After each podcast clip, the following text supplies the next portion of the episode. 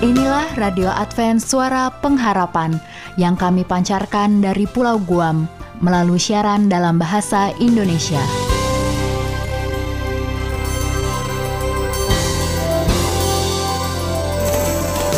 Salam sejahtera kami sampaikan kepada para pendengar kami di mana pun Anda berada. Selamat berjumpa kembali dengan kami, Radio Advent Suara Pengharapan. Dengan senang hati, kami akan menemani Anda melalui rangkaian acara yang telah kami persiapkan khusus bagi Anda sekeluarga. Harapan kami semoga siaran ini dapat bermanfaat dan menjadi berkat bagi Anda semuanya. Selamat mengikuti dan selamat mendengarkan. Tuhan memberkati.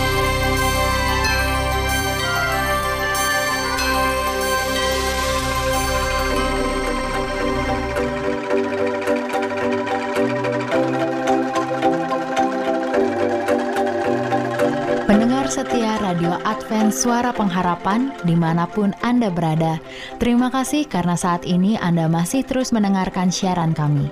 Saat ini kita akan mengikuti program mendidik dan membimbing anak yang pasti sangat cocok untuk para orang tua dan wali atau siapa pun yang memiliki tanggung jawab mengasuh anak. Arahan dan petunjuk yang disampaikan dalam program ini mengacu kepada petunjuk Allah, baik dari kitab suci juga pena inspirasi yang merupakan tulisan yang diilhamkan. Dari studio, kami ucapkan selamat mendengarkan.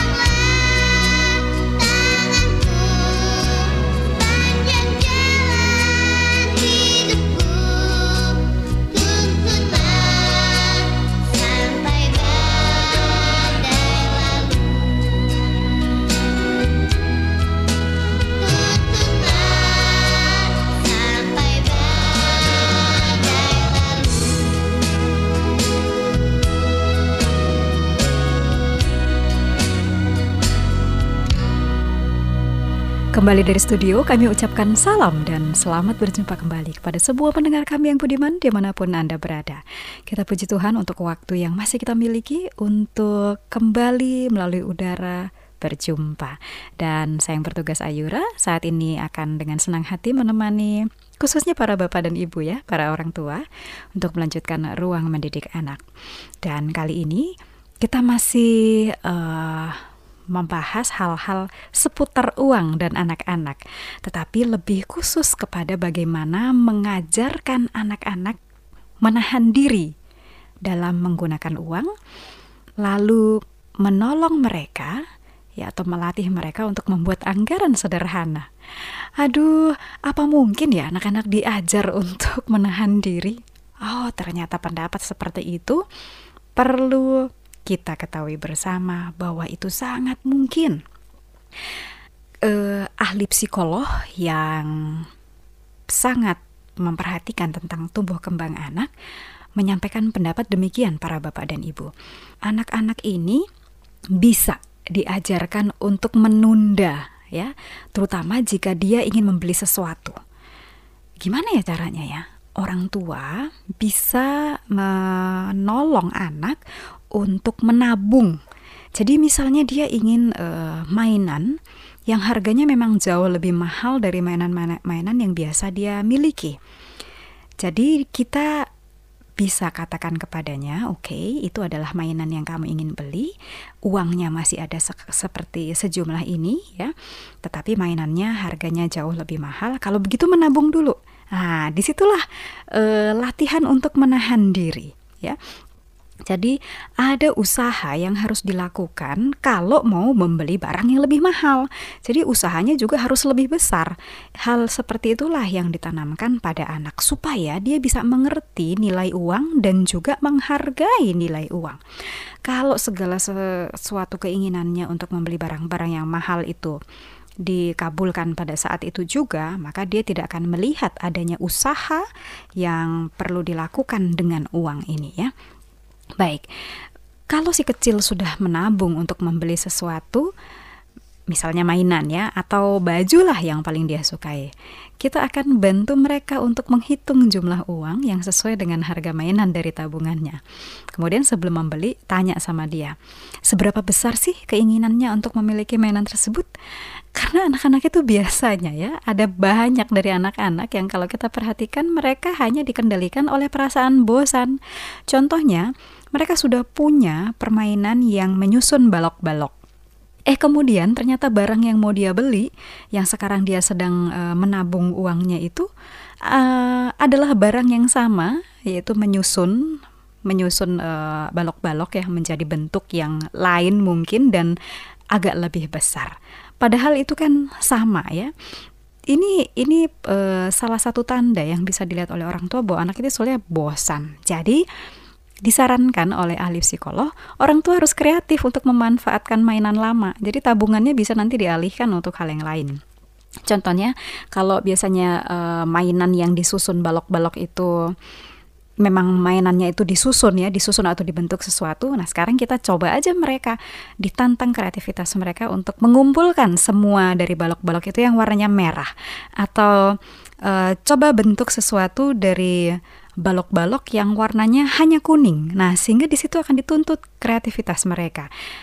Jadi mainan lamanya masih tetap uh, bisa digunakan dan terasa bosannya boleh teratasi. Nah, itu ya Bapak Ibu, bagaimana caranya mengajarkan anak-anak menahan diri dan juga pada saat yang sama bisa menghargai upaya dan cara untuk mendapatkan uang. Nah, bagaimana kemudian dengan menolong mereka untuk membuat anggaran sederhana? Jadi setelah mengajarkan cara menabung di celengan dan setelah itu boleh membeli barang favoritnya, sekarang anak ini bisa kita bimbing untuk pelajaran yang berikutnya lagi ya, lebih jauh lagi, yaitu anggaran belanja ekonomi secara sederhana ya. Menarik sekali ini para pendengar yang budiman Bapak dan Ibu. Salah satu caranya dengan membandingkan satu produk dengan produk yang lain. Contoh. Jadi eh, misalnya anda akan membeli sapu tangan atau tisu hari ini yang harganya mahal. Kemudian beli lagi minggu depannya tisu yang harganya uh, murah. Lalu tunjukkan kepada anak dan ajak diskusi bersama-sama ini mahal, ini murah, sama-sama tisu, fungsinya seperti ini, seperti ini.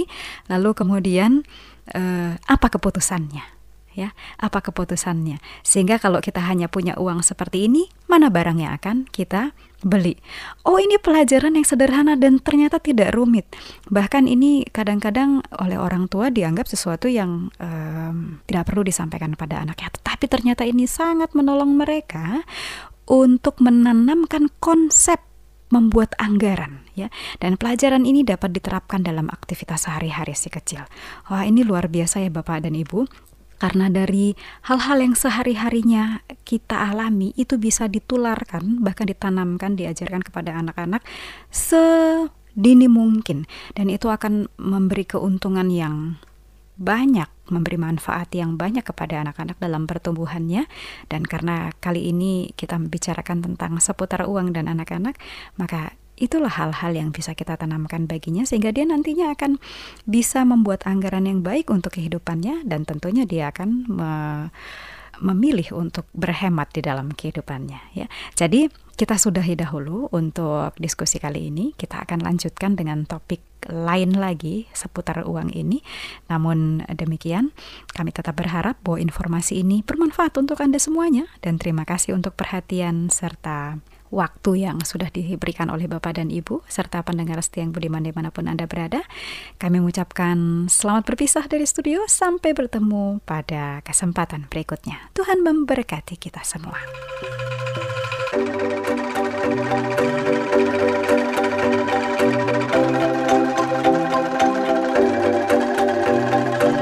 Pendengar setia Radio Advent Suara Pengharapan, Demikianlah program mendidik dan membimbing anak yang baru saja kami persembahkan bagi Anda. Kiranya ini dapat menjadi penuntun praktis dan bermanfaat bagi tugas mulia yang sudah Allah mandatkan kepada kita. Sampai berjumpa pada kesempatan berikutnya, dan selamat mengikuti acara selanjutnya.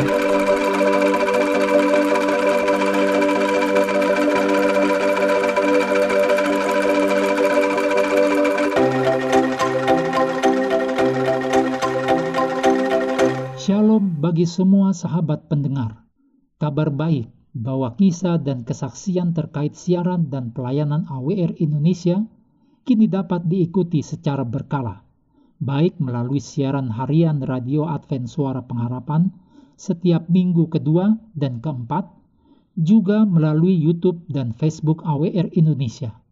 Terima kasih banyak untuk yang sudah menyampaikan dan masih terbuka bagi Anda semua untuk segera SMS atau telepon ke nomor AWR di 0821 1061 1595 atau di nomor 0816 1188 302 untuk WhatsApp dan Telegram. Kami tetap menunggu dukungan Anda.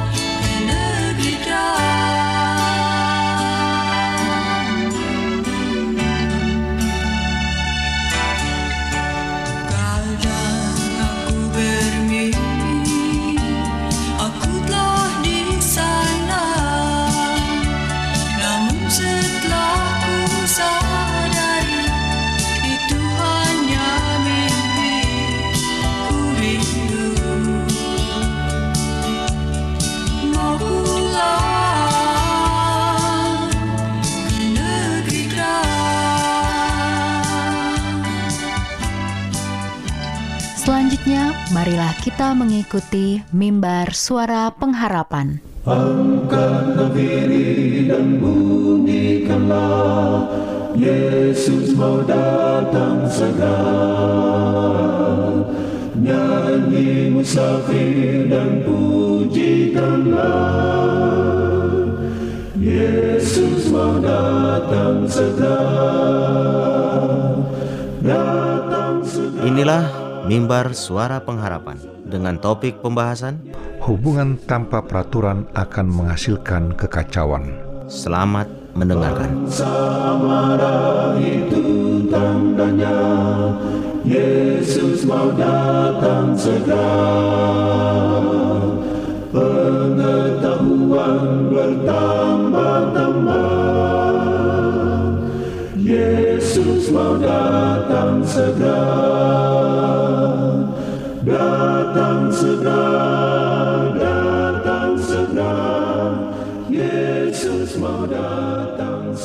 Salam saudaraku yang diberkati Tuhan, kita bersyukur atas segala berkat dan kasih karunia yang Tuhan sudah berikan bagi kita. Dan saat ini kita akan mendengarkan firman Tuhan dalam acara Mimbar Suara Pengharapan bersama saya Pendeta Togar Simanjuntak. Dengan judul pembahasan kita, Hubungan tanpa peraturan akan menghasilkan kekacauan. Hubungan tanpa peraturan akan menghasilkan kekacauan. Jika kemarin kita membahas peraturan tanpa hubungan yang penuh kasih menghasilkan pemberontakan, maka sekarang kita mencoba melihat hubungan tanpa peraturan akan menghasilkan kekacauan. Nah, hubungan ini tentunya hubungan yang baik, hubungan yang harmonis, hubungan penuh kasih sayang, hubungan yang memberikan mengenal satu sama lain, bagaimana posisi anak, bagaimana posisi orang tua. Nah, saudara-saudara, jika Anda membaca dalam buku Kolose 3:21, firman Tuhan berbicara, "Hai bapak-bapak, janganlah sakiti hati anak-anakmu supaya jangan tawar hatinya." Nah, saudara, mengapa dikatakan hai bapak-bapak? Bukan orang tua. Karena pada umumnya bapak-bapak mewakili sebagai kepala keluarga, orang sebagai wakil orang tua, suami istri, ataupun bapak ibu kepada anak-anaknya. Dan ini memberikan suatu nasihat bagaimana jangan sakiti. Artinya sering kita mengomeli, membuat peraturan pada anak-anak itu kita nggak ada hubungan dulu dengan mereka yang baik. Dikatakan tanpa hubungan yang baik tanpa hubungan yang cinta kasih, penuh kasih sayang, maka katakan anak Anda tidak akan pernah memahami peraturan atau batas-batas apa pun juga. Nah, tanpa hubungan pemahaman, ya, maka dikatakan anak-anak itu akan menimbulkan kacauan. Ya, siapakah ini yang memberikan nasihat perintah? Ibukah, bapakkah, akak yang paling tua kah, atau yang lain-lain kah? Kadang-kadang bisa saja orang ketiga, bisa saja mungkin pamannya kah, bibinya kah, atau mungkin siapa saja mungkin bisa memberikan peraturan-peraturan yang membuat jadi kekacauan. Nah, hubungan Anda dengan anak Anda itu merupakan jembatan untuk adanya komunikasi, pengertian, saling berbagai perasaan dan bertumbuh bersama. Kunci ke arah keberhasilan Anda di masa depan adalah hubungan yang positif, hubungan sehat, hubungan cinta kasih sehat dengan Anda yang memiliki batas-batas bagi Anda dan anak Anda. Nah, dikatakan janganlah bangkitkan amarah anak-anakmu. Artinya apa? Sering orang tua itu membuat peraturan yang tidak jelas karena hubungannya tidak ada yang baik dengan anaknya. Dia cuma tahu telepon mungkin dia, begini ya, sebegini. Nah, saudara, kadang-kala kita membuat suatu hal yang aneh. Contohnya, mungkin kalau hari Minggu anak-anak kita mau ada jalan-jalan atau ada dengan teman-temannya, lalu kita katakan, udah telepon, oh dia bisa pergi. Padahal mungkin dia sudah minta kepada orang apa kepada ibunya, tapi si bapak merasa ya nggak sempat bilang sama bapak karena mungkin bapak lagi kerja. Lalu hari Minggu dia mau jalan, lalu kita kadang nggak tahu kita, oh dia bisa, kenapa nggak bilang sama saya? Padahal dia sama ibunya semua Nah, mungkin ibunya pun sudah sampai kepada Anda sebagai bapak, tapi Anda mungkin tidak perhatikan atau merasa tersinggung karena tidak kepada Anda diminta. Nah, inilah yang membuat jadi kekacauan. Nah, saudara, di sini Anda perlu suatu hubungan yang baik dengan istri, dengan anak, dan lingkungan keluarga. Nah, kenapa katakan kita harus menjalin komunikasi yang baik dengan itu supaya ada saling pengertian yang baik ya jelas. Ada saling berbagi perasaan dan bertumbuh sama. Lalu ada kemudian ada ya, tumbuh masa depan yang baik. Nah orang tua katanya jangan bangkitkan amarah dan perontakan dalam anak anda. Bila peraturan peraturan berubah-ubah tidak konsisten dan tidak jelas. Tidak jelas ke mana arahnya apa tujuannya dan maksud tujuannya. Lalu tidak ada kaitannya lagi dengan mungkin dengan kebenaran firman Tuhan. Mungkin Anda cuma sekedar berteriak saja sedang membuat peraturan tapi Anda tidak jelaskan maka begitu. Ya, saudara harus jelaskan, saudaraku, bahwa peraturan yang dibuat adalah untuk kebaikan dia dan sesuai dengan firman Tuhan di dalam kehidupannya. Nah, saudara-saudara, kalaupun Anda jelaskan suatu peraturan dengan anak Anda, jika hubungan Anda baik dan anak Anda, maka dia akan senang, bersuka cita. Tapi kalau Anda tidak ada hubungan baik, selalunya cuma marah, memerintah dengan arogannya karena Anda sebagai orang tua, maka Anda pun akan merasa uh, susah menghadapinya. Akan timbul kekacauan. Ya. Dan harus yakinkan bahwa peraturan yang tepat tetapkan itu adalah memang sesuai dengan kehendak Allah, perintah Tuhan. Dan perintah Tuhan juga jalin hubungan dengan anak-anak Anda. Kenapa anak-anak itu marah ketika menyatakan hubungan uh, peraturan kepada mereka? Ya, karena mereka merasakan tidak jelas, tidak ada dulu lebih baik. Semuanya hanya memerintahkan saja, perintah. Ya, perintah. Misalnya, jangan pulang malam-malam atau jangan pulang terlalu sore. Pala Anda begitu ucapkan, lah karena dia mungkin pulang terlalu sore, Anda nggak tahu sebabnya, sebabnya langsung Anda marah. Anda tidak mengerti, mungkin dia pulang cepat tapi tidak dapat kendaraan umum, atau mungkin busnya mungkin macet, atau kondisi jalan nggak bisa diduga. Nah ini yang harus Anda yakinkan diri Anda bahwa jangan pernah membuat suatu peraturan itu yang membuat diri dia itu bingung. Jadi jalin dulu hubungan yang baik dengan anak-anak, maka akan Anda bisa keluarkan peraturan kepada mereka. Nah, saudaraku, jangan sakiti, jangan bangkitkan kemarahan anak-anakmu, ya. Jangan sakiti hatinya, jangan buat dia tawar hati. Kenapa sampai tawar hati, saudaraku? Karena anak ini jika di rumah dia tidak ada tempat untuk penyampaian sesuatu yang hatinya, tidak ada rasa damai dan tenang, semua serba peraturan, maka dia pun akan tidak bisa damai.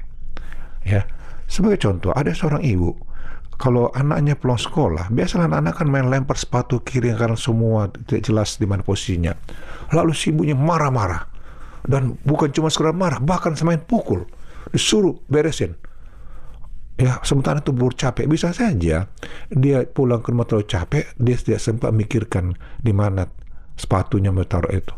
Atau bukunya, atau tasnya. Tidak tahu dia mau bikin mana. Ini membuat jadi anak itu bingung ketika dimarahi Nah, saudara, jangan biarkan ya hubungan Anda yang kurang baik akhirnya peraturan itu menghasilkan kekacauan. Ya jangan biarkan saudaraku. Jadi biarlah Anda membuat itu menjadi suatu hubungan dulu yang baik, akrab. Ya, maka peraturan akan bisa menghasilkan kedamaian dan kebaikan bersama. Nah, saudara, jika Anda mau doakan ataupun ada hal mau tanyakan, hubungilah kami, tim pelayanan mimbar suara pengharapan. Dengan penuh sukacita kami akan selalu melayani dan mendoakan Anda. Berkat Tuhan menyertai Anda adalah dua harapan kami. Salam saudaraku. Amin.